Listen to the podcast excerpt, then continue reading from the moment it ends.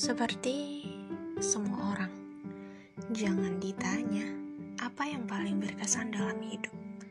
Salah satunya pasti jatuh cinta, yang rasanya mungkin seperti permen nano-nano dicampur segelas kopi tanpa gula dan rasanya menjadi asem-asem manis pahit.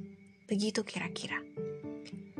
Bagi sebagian manusia, punya orang spesial tidak perlu terlalu cantik ataupun ganteng. Jadi intinya yang sedang-sedang saja.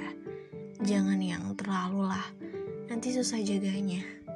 Juga tidak yang jelek-jelek sekali sampai malu-maluin. Katanya sih begitu rasa nyaman katanya juga bisa membuat seseorang menetap.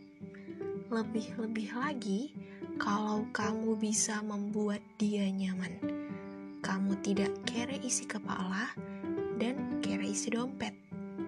Dia orang yang baik itu adalah kriteria basa-basi yang sedikit lucu ketika ada yang bertanya, bagaimana kriteria pasangan idaman. Toh, kalau kamu manusia yang jahat dengan segala ketidakprimanusiaanmu, siapa yang mau? Semua orang tahu, manusia tidak ada yang sempurna.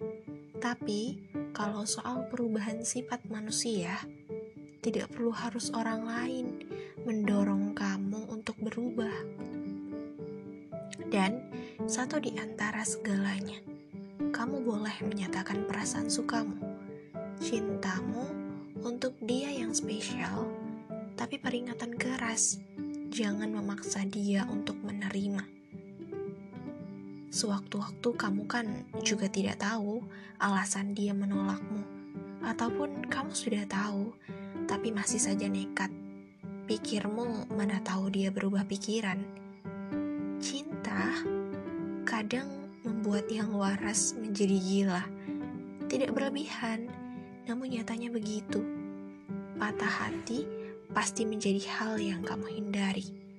Tapi, kalau kamu sudah coba terjun untuk jatuh cinta, hanya dua kemungkinan yang akan terjadi.